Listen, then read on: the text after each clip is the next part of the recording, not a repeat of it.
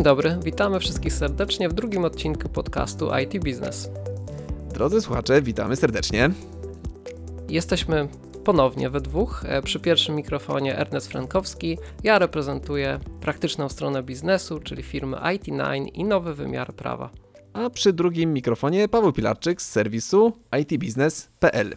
Drodzy słuchacze, dzisiaj będziemy rozmawiać na temat procesora Apple M1. To jest procesor, który trafił teraz do komputerów Apple i do komputerów mobilnych i do komputerów stacjonarnych. Do komputerów mobilnych w tej chwili w dwóch egzemplarzy, czyli MacBooka R i MacBooka Pro i do komputera stacjonarnego Mac Mini, czyli tego malutkiego. Tak, zgadza się. I co ciekawe, dzisiaj właśnie poprzez temat procesorów w tych nowych komputerach będziemy rozmawiać o bardzo takim technicznym i praktycznym wymiarze informatyki, w przeciwieństwie do poprzedniego odcinka, gdzie pozwoliliśmy sobie na dywagacje takie bardziej globalno-ekonomiczno, no, informatyczne, ale w takim ujęciu właśnie makro. Tym razem kwestie praktyczne. Dzisiaj będzie dużo więcej i technologii, i takiej praktyki, ale zacznijmy od technologii. Dlaczego to jest akurat tak ważne wydarzenie? Firma Apple zmienia swoje procesory w komputerach raz na kilkanaście lat. Ta zmiana, która następuje w tym momencie, odbywa się po 15 latach, gdy Apple korzystał w swoich komputerach z procesorów Intela. Te procesory wykorzystuje od 2005 roku. W 2005 roku taka zmiana poprzednim razem nastąpiła z procesorów PowerPC, które produkowała dla Apple firma IBM i firma Motorola. I przez 15 lat właśnie Apple teraz wykorzystywał procesory Intela, po 15 latach zmienia na procesory w architekturze ARM. Będzie produkował samodzielnie te procesory, a może nie tyle samodzielnie będzie produkował, będzie projektował procesory samodzielnie, ponieważ procesory będą produkowane przez fabrykę TSMC, tajwańską fabrykę, która produkuje układy y, półprzewodnikowe dla bardzo wielu różnych y, producentów. Więc ja może w kilku słowach y, streszczę, co jest najważniejszego w przypadku tego procesora Apple. Ale zanim, zanim streścisz, to taka, taka ciekawa rzecz, bo znaczy z mojej perspektywy ten powrót do własnej architektury, którą Apple zaprojektowało i tak jak wspomniałeś, no, będzie to zlecone na zewnątrz, jeśli chodzi o produkcję, to jest e, trochę powrót do normalności, bo ja jeszcze jakoś tam pamiętam rok 2005 i tą informację, że Apple przechodzi na procesory Intela, i to wtedy był lekki szok i coś takiego niezwykłego. Więc teraz powrót do własnej konstrukcji jest chyba właśnie powrotem do DNA tej firmy. W DNA tej firmy leży to, że, że Apple y, lubi mieć pełną kontrolę nad y, całym swoim sprzętem i całym swoim oprogramowaniem, co oczywiście bardzo dobrze tej firmie wychodzi, bo dzięki tej kontroli y, Apple może, może optymalizować oprogramowanie na swój sprzęt, tak że to oprogramowanie działa bardzo stabilnie i niezwykle szybko. Tak więc to, że rzeczywiście tutaj, tak jak Ernest wspomniałeś, wracają Apple z powrotem do swoich y, konstrukcji, powinno w dłuższej perspektywie wyjść y, firmie Apple na dobre. Natomiast ja właśnie mm, powiem, dlaczego akurat y, ARM. Otóż Apple projektuje procesory już od wielu lat dla swoich smartfonów i tabletów, czyli we wszystkich iPhone'ach, we wszystkich iPadach są instalowane procesory projektowane właśnie przez Apple. I y, dotychczas y, te procesory jeszcze nie, nie, nie, miały wystarczającej wydajności, żeby zastosować je w komputerach stacjonarnych czy komputerach przenośnych. Y, nadawały się oczywiście do smartfonów czy do tabletów. Ich wyjątkową cechą było to, że były bardzo energooszczędne. Natomiast wydajnościowo cały czas procesory w architekturze x86, czyli procesory czy Intela, czy AMD, były po prostu od tych układów dużo szybsze ale w ostatnich latach te procesory ARM bardzo nadgoniły, jeśli chodzi o wydajność, na tyle, że y, rzeczywiście wydajność y, smartfonów, nawet nie tylko y, Apple, ale również smartfonów androidowych, zaczyna doganiać nasze stacjonarne komputery. I Apple nawet to podkreślało podczas chociażby pre premiery smartfonów iPhone 12, gdy przekazało dość jasny komunikat, że nowe iPhone 12 są wydajniejsze niż większość typowych komputerów stacjonarnych, jakie użytkujemy. Tam padła liczba chyba 90%, że, że są szybsze niż 90% komputerów, które są użytkowane dzisiaj na świecie. Czyli y, to porównanie y, smartfonów do komputerów już oznaczało, że y, możemy się właśnie spodziewać tego, że, że ta architektura docelowo rzeczywiście trafi do komputerów i trafiła bardzo szybko. Znaczy, tak naprawdę Apple już y, zapowiedział to, że że ta architektura, czy procesory w architekturze ARM trafią do komputerów Apple. Oficjalnie zapowiedział to kilka miesięcy temu podczas konferencji Apple WWDC, a plotki chodziły na ten temat już od wielu lat. Ja nawet znalazłem na Y, na moim starym serwisie PCLab.pl znalazłem newsa z 2012 roku, y, w którym była właśnie informacja, że Apple rozważa właśnie zmianę procesorów Intela na y, układy ARM. Więc króciutko dosłownie o co, o co chodzi z tymi procesorami. Te procesory przede wszystkim zapewniają bardzo niski pobór energii i to jest akurat najważniejsze, że będzie można, Apple będzie mogło konstruować laptopy, które bardzo długo działają na, na zasilaniu akumulatorowym, nie wymagają w wielu przypadkach aktywnego chłodzenia. Na przykład nowy MacBook Air, y, ten z tym procesorem y, Apple, y, który się nazywa Apple M1, nie ma aktywnego wentylatora. Jest całkowicie pasywnie chłodzony, czyli całkowicie bezgłośny. Natomiast Mac Mini oraz MacBook Pro z procesorami Apple M1 mają wentylatory, ale też te wentylatory włączają się po prostu dużo rzadziej niż w przypadku tych odpowiedników tych komputerów z procesorami Intela. Czyli ta pierwsza zmiana dużo mniejszy pobór y, energii elektrycznej, który wiąże się również z tym, że te komputery w wersji mobilnej, czyli MacBooki, będą działały po prostu dłużej na y, akumulatorze i Apple obiecuje do 20 godzin pracy na akumulatorze. W testach, które widziałem, sam niestety nie, miałem możliwości przeprowadzenia takich testów, ale y, w testach te komputery działają rzeczywiście po kilkanaście godzin, co jak na Apple jest ogromnym osiągnięciem. I wreszcie to, co jest y, bardzo teraz szeroko komentowane w tej chwili na temat procesorów Apple 1, M1, to ich wydajność. Y, z pierwszych y, testów wydajności, które się pokazały w internecie, wynika, że są to procesory, które wyprzedzają dotychczasowe procesory Intela i AMD, nawet te najmocniejsze jednostki. Y, chociaż tutaj taki mały disclaimer, większość testów opiera się na, na teście Geekbench, to jest taki test y, y, syntetyczny. On twierdzi, że jest niby testem real world, czyli stara się udawać te rzeczywiste scenariusze, ale to jest test syntetyczny, który coś tam robi, nie widzimy tego na ekranie, co on dokładnie robi, po czym wypluwa wynik w punktach i w, na podstawie tego wyniku ocenia wydajność komputera. To jest test, który został stworzony przede wszystkim dla, dla komputerów z procesorami w architekturze ARM. Y, I y, do porównywania wydajności z procesorów y, w architekturze x86 ten program w, moim, w mojej opinii nie, nie do końca się dobrze nadaje ale pozostałe testy, jakie się pojawiają Apple M1, też pokazują, że bardzo ta jednostka jest konkurencyjna w stosunku do układów Intela czy AMD, czyli mamy nowego, bardzo silnego konkurenta dla topowych procesorów Intela i AMD y, na rynku, więc jest to, jest to coś bardzo ciekawego. No to jeśli pozwolisz, to tak. Pierwsza rzecz jest taka, że ewidentnie tutaj e, no, słuchałem bardzo uważnie. Tutaj e, naprawdę, mm, to zresztą dobrze wiesz, ja od ciebie mogę wiele się nauczyć, jeśli chodzi o tego typu e, kwestie i, i chociażby mierzenie, czy, czy opisywanie, czy świadomość parametrów tego typu urządzeń. Ale wiesz co, tak jak sobie słuchałem ciebie, ale też jakby rozmawiałem i słuchałem wiele osób, które, które, które no, chociażby zajmuje się i żyje z testowania takich urządzeń, czy, czy jest zawsze bardzo na bieżąco, to uderza mnie to, że jeśli chodzi, że jeśli przychodzi do komentowania konferencji i zapowiedzi na przykład takiej firmy jak Apple, to e, wydźwięk e, tego typu komentarzy jest taki, jakby te wszystkie zyski z tej architektury i te korzyści, tak, były już osiągnięte.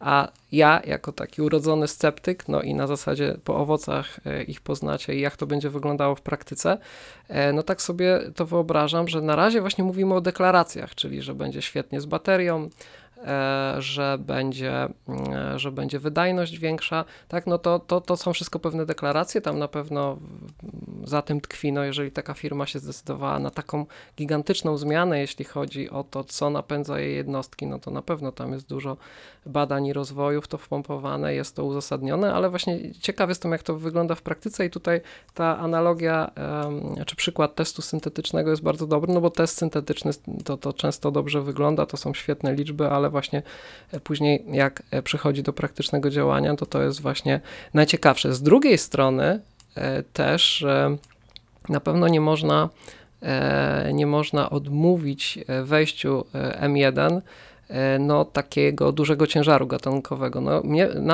moją uwagę przede wszystkim zwróciło to, że, ten, że cała ta linia procesorów, czy rodzina procesorów M1 została jakby podpięta pod, pod to hasło, no znane hasło jeszcze, jeszcze, jeszcze z czasów Steve'a Jobsa, One More Thing, więc to dla nich jest taki, bym powiedział, e, chyba było zaprezentowane jak jakiś taki killer czy game changer. E, w te procesory widać, że ten cały line-up e, ich urządzeń, czy Apple będzie, e, będzie wyposażony e, systematycznie. E, ciekawa rzecz, nie wiem czy zwróciłeś uwagę, że na tej konferencji bardzo mocno poświęcano, znaczy poświęcano uwagę później też w wszelkich testach, które się pojawiały, MacBookowi R.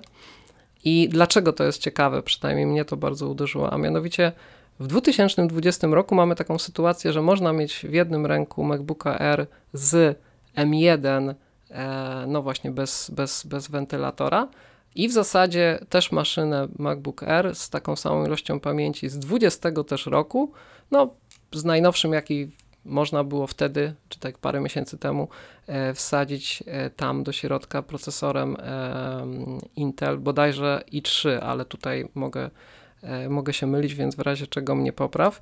I z tego, co ja się orientuję, jak się porówna te dwie konstrukcje, tak jeden do jednego, nie wiem, w jakichś typowych zastosowaniach aplikacyjnych, jakaś, jakieś podstawowe zastosowania graficzne, czy nawet rozrywkowe, to wygrana M1 no, jest taka podobno, czy nawet nie podobno, bo widziałem to, e, jest gigantyczna. I faktycznie, faktycznie się okazywało, że przewaga nad tego samego Makera z innym, e, innym e, procesorem, nad, czyli M1 nad, nad, nad urządzeniem z Intelem, no na przykład jeśli chodzi o oszczędność baterii jest rzędu kilkudziesięciu procent, więc faktycznie z tego co pamiętam producent deklaruje, że MacBookery będą mogły E, pracować na baterii 18 godzin, a MacBooki Pro nawet bodajże właśnie te wspomniane przez Ciebie 20 e, godzin.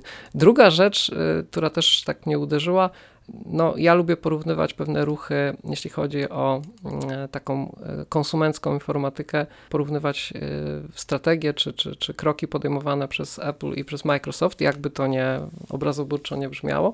I, i, i zwróć uwagę, że Mm, e, Microsoft próbował zrobić jeden system, który by działał na e, różnego rodzaju e, architekturze, jeśli chodzi o procesory.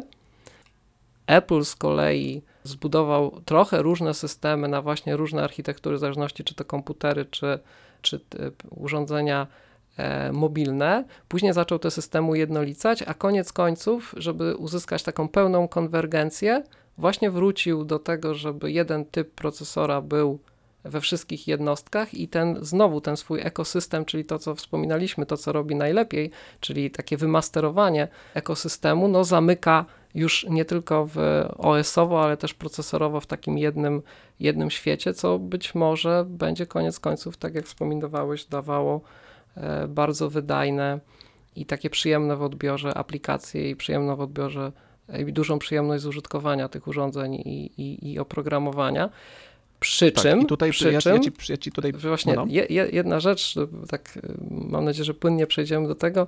E, mhm. Ja chciałem powiedzieć parę słów o tym, jak to wygląda z punktu widzenia tak praktycznego, kiedy właśnie w świecie biznesu trzeba wziąć takie wypieszczone, nowiutkie urządzenie, świetnie wyglądające, świetnie działające i zacząć go używać w takim trochę nieprzyjaznym świecie, gdzie jest mnóstwo pecetów e, i ludzi z tymi pecetami, gdzie trzeba się integrować i gdzie też jest dużo, no jednak starych e, aplikacji, które nie wiem, no jakby nie wszystko może być przepisywane, dlatego że wychodzą nowe procesory, już nawet nie mówię, że E, Apple'a, ale no też Intela, więc wieloletnie Tak, to wiesz co, Aneta, ja ci przerwę na, sek na sekundkę, bo chciałbym jeszcze tutaj pociągnąć ten temat aplikacji Apple'owych. Za zaraz opowiesz dokładnie, jak to wygląda teraz w tym świecie biznesu, natomiast to, co ja chciałem właśnie tutaj podkreślić, o czym nie wspomnieliśmy na, na początku czy wcześniej, że to, że y, ten procesor Apple M1 jest w architekturze ARM i on tak naprawdę ma bardzo wiele wspólnego z procesorami y, Apple A14 Bionic czy Apple y, A12Z Bionic montowanych w iPadach Pro, oznacza, że nowe, nowe komputery Apple będą uruchamiały bez konieczności rekompilacji aplikacje z iPhone'ów czy iPadów. Y, I to jest właśnie ta zmiana, która też y, określana jest tym, tym określeniem One More Thing, że nie będzie y, oddzielnych aplikacji na iPhony i oddzielnych na MacBooki czy Maki, tylko będzie mieć jedną aplikację. Y, twórcy aplikacji będą tworzyli jeden program, który będzie można uruchomić i na komputerze, i na smartfonie. I to jest ta jedna z bardzo dużych y, zmian, o której właśnie warto też y, warto powiedzieć. Ale już Ci z powrotem tutaj zwracam głos, żebyś opowiedział, jak to wygląda teraz w świecie biznesu, jak to wygląda w realu. Ale zobacz, że to, co powiedziałeś, mówię, szalenie istotna rzecz, znowu pokazuje, że to są super urządzenia dla ludzi, którzy całkowicie siedzą w tym świecie, prawda? Bo to jest jakby z, znaczy zysk, tak, mają cały, cały ekosystem. zaleta tak mhm. E, z, z, użytkowania no, jakichś aplikacji jakby mm, stworzonych na, powiedziałbym, siostrzane urządzenia. Notabene, jak wspominałeś o tej momentami już gargantuicznej wydajności procesorów w urządzeniach przenośnych, czy tam na, w najnowszych e, iPhone'ach, czy, czy, czy, czy ogólnie w, w, smartfonach i tabletach, to tak sobie przez chwilę pomyślałem w porównaniu do procesorów i w ogóle elektroniki w tego typu urządzeniach i jej wydajności, jaka była wydajność e, e, komputera, który na przykład był odpowiedzialny za to, że pierwsi ludzie wylądowali na Księżycu. I tak sobie myślę, tak, co. Porównywany ten komputer jest często do zegarka. Co program, program Apollo mógłby osiągnąć, gdyby taki, e, taki właśnie e, taki jakiś procesor ARM z jakiegoś jednego czy innego telefonu jakimś cudem trafił do lat 50. i 60. ubiegłego e, stulecia, o ile w ogóle mogliby zrobić jakiś reverse engineering e, takiego, e, takiego, takiego układu. Ale właśnie tak Chciałem Ci opowiedzieć i naszym słuchaczom oczywiście takiej jednej rzeczy, to jest jakby przypadek z, z, z realnego życia i takiej, takiego przaśnego funkcjonowania różnych firm, dużych i, i bardzo dużych i, i, te, i też średnich. Mianowicie w Polsce, w Polsce jest trochę tak, że e, używanie e, komputerów, e, no MacBooków bardziej, jednak jest pewną oznaką no nie, nie wiem jak to powiedzieć, prestiżu, tak? To znaczy e, od pewnego stopnia na przykład drabiny firmowej, hierarchicznej, korporacyjnej pojawiają się MacBooki. One wcześniej się pojawić nie mogą. E, poniekąd to wynika z tego, że osoba na takim regularnym stanowisku, powiedzmy bardziej statystycznym, czy, czy no właśnie gdzieś tam nie na szczycie jeszcze kariery zawodowej, no musisz wchodzić w szereg w naszym świecie, tutaj w Europie, w szereg interakcji z systemami, bardziej jednak związanymi ze, świat, ze światem takim Windowsowo-Intelowym i to nie tylko wewnątrzfirmowym, ale też e, zewnętrznym. To jest po prostu mnóstwo, mnóstwo e, różnych zastosowań. E, no i to jest też techniczne użytkowanie w związku z tym komputerów. No i tam, no niestety, taki typowy no właśnie PC, laptop, to jakby ja coraz częściej już na, na laptopy myślę o nich per PC-ty, jakby to, to, to, to, to określenie jakoś tak schodzi z tego, z tego jakiegoś takiej wizji desktopu, e, ale to jest właśnie ten, e, powiedzmy, ta, ta rodzina urządzeń. Wyżej w hierarchii korporacyjnej zaczynają się pojawiać właśnie e, szczególnie MacBooki Air i czasami, no rzadziej, ale bardzo rzadziej, ale jednak czasem też MacBooki Pro i to są urządzenia dla osób, no, które głównie zarządzają, Czyli menedżerów, dyrektorów. Tak, nie wchodzą, w, tak. znaczy nie, nie, nie ma potrzeby, żeby musieli jakby dużo robić w jakichś aplikacjach albo z czymkolwiek się integrować, czy następowała jakaś zaawansowana wymiana danych, nawet jeżeli wtedy ten Apple robi obiektywny problem, bo wszyscy wokół mają e, systemy Windowsowe, no to i tak jest obsługa administracyjna, która takiej osobie w tym pomoże. Bardzo często jest bardzo mało zaawansowany i dosyć e, manualny sposób, ale to jest jakby funkcja prestiżu pewnego. Ja ostatnio miałem taką sytuację, że jest firma, która ma bardzo zaawansowaną aplikację, system, który zarządza biznesem tej firmy. Ta aplikacja może działać na e, wyłącznie e, jest aplikacją przeglądarkową i z różnych względów no, nie może działać no, technologicznych na e, przeglądarkach najnowszych. I dopóki, dopóki komputery Apple były na, oparte na, na architekturze Intela, zawsze można było zainstalować de facto dwa OS-y na takim MacBooku czyli ten natywny Apple'owy i Windowsa i w razie czego tam się przełączyć i jeżeli już taka osoba czy każda inna musiała coś tej aplikacji zrobić, no to używała znowu jakaś profanacja, ale tego MacBooka jako jak zwykłego e, Windowsowego PC. W tym Mhm. momencie sprawa się kończy i teraz przed taką firmą e, są dwa rozwiązania. E, no albo zacząć namawiać management, że są też premium urządzenia właśnie laptopowe, no oparte jednak na, na Windows, niech będzie linia Surface na przykład Microsoftu, czy cała rodzina, no albo trzeba, i tu już nie będę wchodził w szczegóły, e, szukać bardzo takich e, złożonych sposobów obejścia tego problemu, żeby z tych nowych komputerów można było używać tej historycznej aplikacji, no, którą no, nikt nie będzie przepisywał tylko dlatego, że mm, e, MacBooki się, czy, czy, czy, czy MacBooki Pro się e, zmieniły. Więc, e, więc efekt jest taki, że w tym świecie ruch taki bym powiedział e, ryzykowny, bo prawdopodobnie skończy się z tym, że także management przestanie kupować, czy firma przestanie managementowi e, kupować, zarządowi, menedżerom właśnie jakiekolwiek komputery firmy Apple, w tym konkretnym przypadku, pewnie takich jest więcej, ale z kolei ten M1 przyniesie zapewne olbrzymi wzrost takiej przyjemności z używania tych komputerów osobom, które z tego ekosystemu nie muszą wychodzić, czyli wszelkim twórcom e, treści, ludziom, którzy cenią sobie przede wszystkim e, lifestyle i taką bym powiedział bardziej przyjemną, efektowną stronę takiej codziennej informatyki. Wszyscy twórcy treści, czy freelancerzy, no to są tacy, takie osoby, które bardzo z tych komputerów skorzystają. Z tych testów, które, które y, widziałem, przeczytałem sobie w internecie szereg różnych recenzji y, nowych y, MacBooków, nowego Maca Mini, to wszyscy zgodnie twierdzą, że, że te komputery są bardzo responsywne, że niezwykle wydajne są w, przy edycji zdjęć, przy edycji filmów, czyli do takich zastosowań też się świetnie nadają ale mają tutaj znowu kilka bardzo istotnych sprzętowych ograniczeń. Y, Na przykład y, te procesory Apple y, M1 są procesorami ośmiordzeniowymi, składającymi się z dwóch takich bloków y, po cztery rdzenie każdy. Są cztery rdzenie y, bardzo wydajne i cztery rdzenie energooszczędne. Więc w takich typowych zastosowaniach taka architektura, tak zwana Big Little, ona będzie bardzo dobrze działała, ale jeżeli mamy jakieś aplikacje, rozwiązania, które operują na bardzo wielu wątkach jednocześnie i potrzebny nam jest procesor z 16, 32, 64 rdzeniami, y, to w przypadku tych nowych komputerów y, Apple w tej chwili nie mamy takiej możliwości, żeby po prostu zwiększyć tą liczbę rdzeni, bo w przypadku architektury x86 mamy bardzo duży wybór procesorów, łącznie z takimi 64-wątkowymi. Więc tutaj mamy, jeśli chodzi o tą liczbę wątków, mamy ograniczenie pierwsze. Drugie ograniczenie bardzo istotne, sprzętowe, to liczba pamięci RAM czy ilość pamięci RAM. W przypadku y, Apple M1 ta pamięć jest y, zintegrowana, wlutowana w postaci układów na samym procesorze.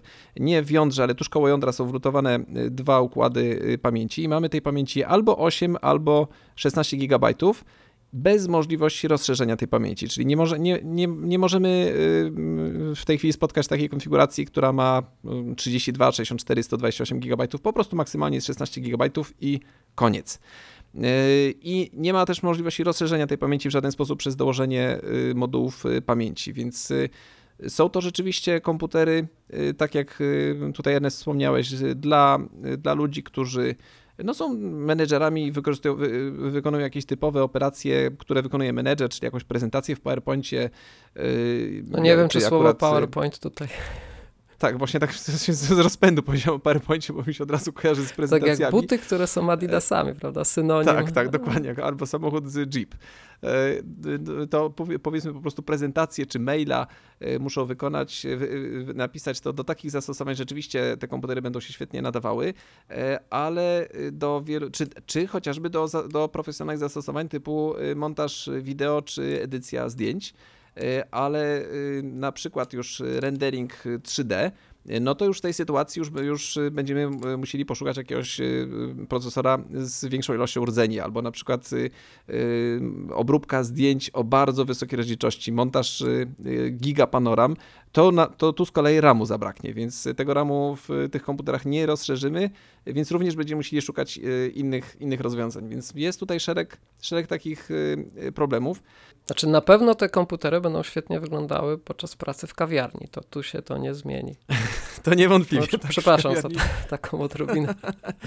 chociaż, chociaż niestety wyglądają identycznie jak stare modele, więc jeżeli będziemy chcieli, że tak powiem, zaszpanować nowym komputerem z procesorem Apple M1, to to niestety MacBook Air i MacBook Pro, a nawet Mac Mini wyglądają dokładnie tak samo jak, jak starsze modele. Tam są detale e, w przypadku Maca Mini, tam jest, nie wiem, mniej na przykład portów USB, są dwa zamiast czterech, e, więc tylko po takich detalach możemy rozpoznać, że mamy do czynienia z nowym komputerem, ale jeżeli chcielibyśmy przyszpanować, tak jak w przypadku iPhone'ów, jak się nowe iPhony kupowało, to wybierało się ten kolor, który był unikatowy dla tej nowej wersji. Jak był jakiś tam zielony, tylko w tym konkretnym modelu, to, to wszyscy kupowali te zielone, żeby całe otoczenie wiedziało, że mamy najnowszego iPhone'a. Tak? W przypadku tych nowych komputerów y, tutaj tym się za bardzo nie pochwalimy, co najwyżej możemy powiedzieć znajomemu, że mamy nowy komputer z y, Apple M1 ale, ale no tak jak tutaj wspominasz, Ernest, będą problemy w środowiskach biznesowych z tymi komputerami, a także takie, że wiele aplikacji starych,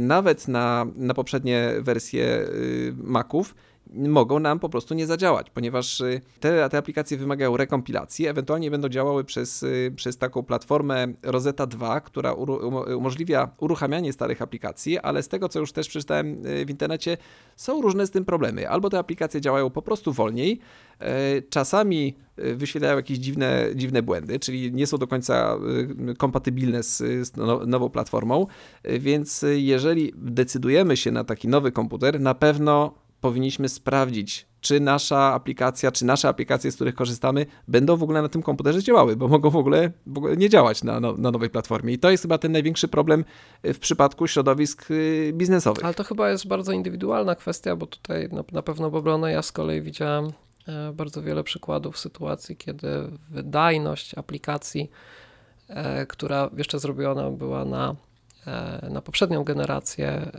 komputerów Apple, i uruchomiona na tych nowych już przez Rosetę 2, e, no, była nawet większa niż na tym e, natywnym systemie no, poprzedniej generacji, więc to chyba mm, podobnie jak z tymi trybami zgodności pomiędzy poszczególnymi wersjami Windows, to będzie kwestia dosyć indywidualna po prostu, bo czegoś takiego wydaje mi się, tutaj nie jestem ten, ale wydaje mi się, no nie da się zrobić idealnie dla każdego możliwego oprogramowania, które tam w przeszłości sobie powstało. Pewnie im nowsza wersja tego oprogramowania, tym lepiej e, Rosetta 2 będzie sobie radziła. Zresztą to rozumiem jest też, że tak powiem, taki e, bezpośredni potomek Rosety funkcjonującej, mającej te same zadania jeszcze na e, komputerach, komputerach właśnie Apple sprzed wielu, wielu lat, jak jeszcze PowerPC było w zastosowaniu.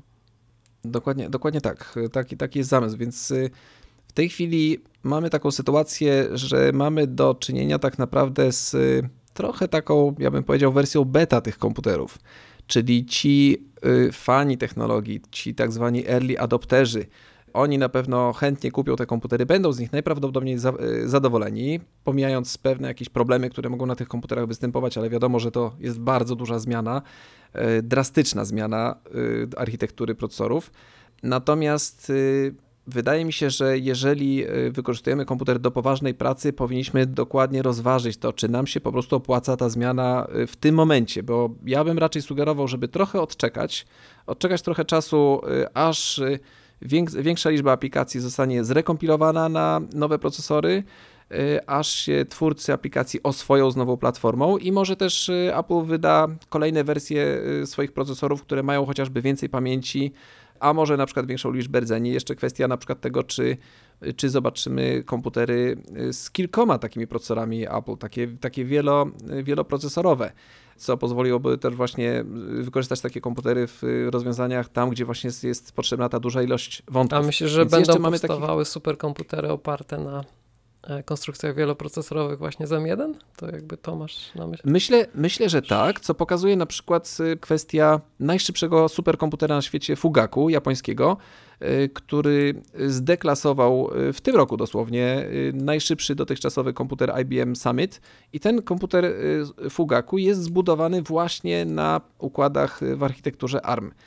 Więc wydaje mi się, że tak jak kiedyś były również eksperymenty z budowaniem superkomputerów z procesorami PowerPC, twórcy takich, takich maszyn będą próbowali. No kwestia, czy będzie to robił sam Apple, czy będą to robili entuzjaści, czy, czy administratorzy budujący różne serwery, więc o tym, o tym się dopiero przekonamy. Na pewno sama architektura Apple M1 ma bardzo duże możliwości. Ciekawe, co tam jest jeszcze ukryte. A powiedz tych... taką jeszcze jedną rzecz, bo z tego, co ty opowiadałeś o ograniczeniach tej architektury, wynikałoby, że jeżeli chcielibyśmy dołożyć rdzeni, notabene e, gdzieś mi się obiło uszy, że e, MacBook e, R ma 7 rdzeni, więc rozumiem, że jakoś w taki miękki sposób e, ten jeden rdzeń po prostu jest wyłączony, żeby to zaznaczyć tak, tą to wydajność. 7, 7 rdzeni y, w przypadku y, układu graficznego. Mhm.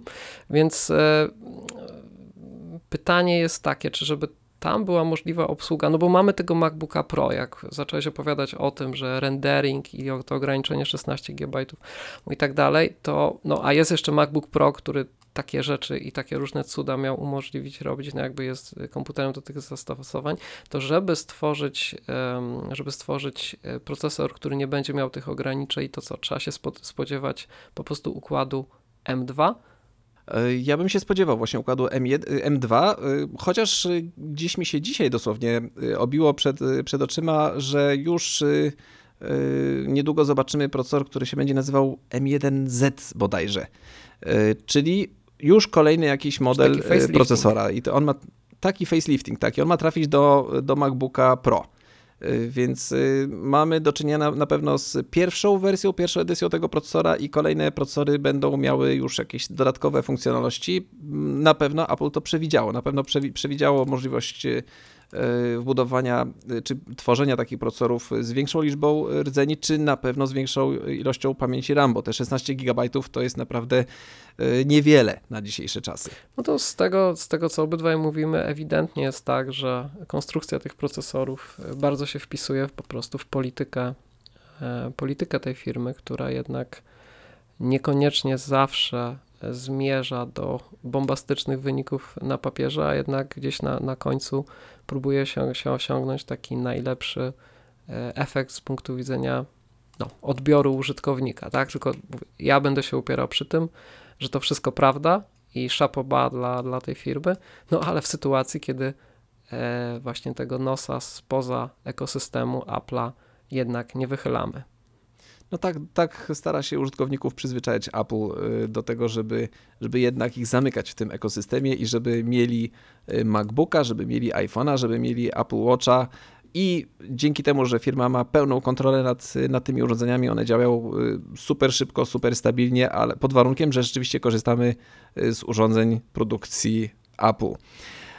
Drodzy słuchacze, dobiegł czas końca już naszego dzisiejszego podcastu. Chcielibyśmy bardzo serdecznie Wam podziękować za przesłuchanie tego odcinka podcastu IT Business. Chcielibyśmy również z radością poinformować, że nasz podcast trafił już na pierwsze platformy podcastowe. Jesteśmy na platformie Anchor FM, Spotify oraz Apple Podcast. Nomen omen. gorąco Was, nomen omen, tak? Więc gorąco Was zachęcamy do subskrypcji naszego podcastu. A tymczasem dziękujemy bardzo za słuchanie i do usłyszenia za kilka dni. Dzięki Ernest. Dziękujemy.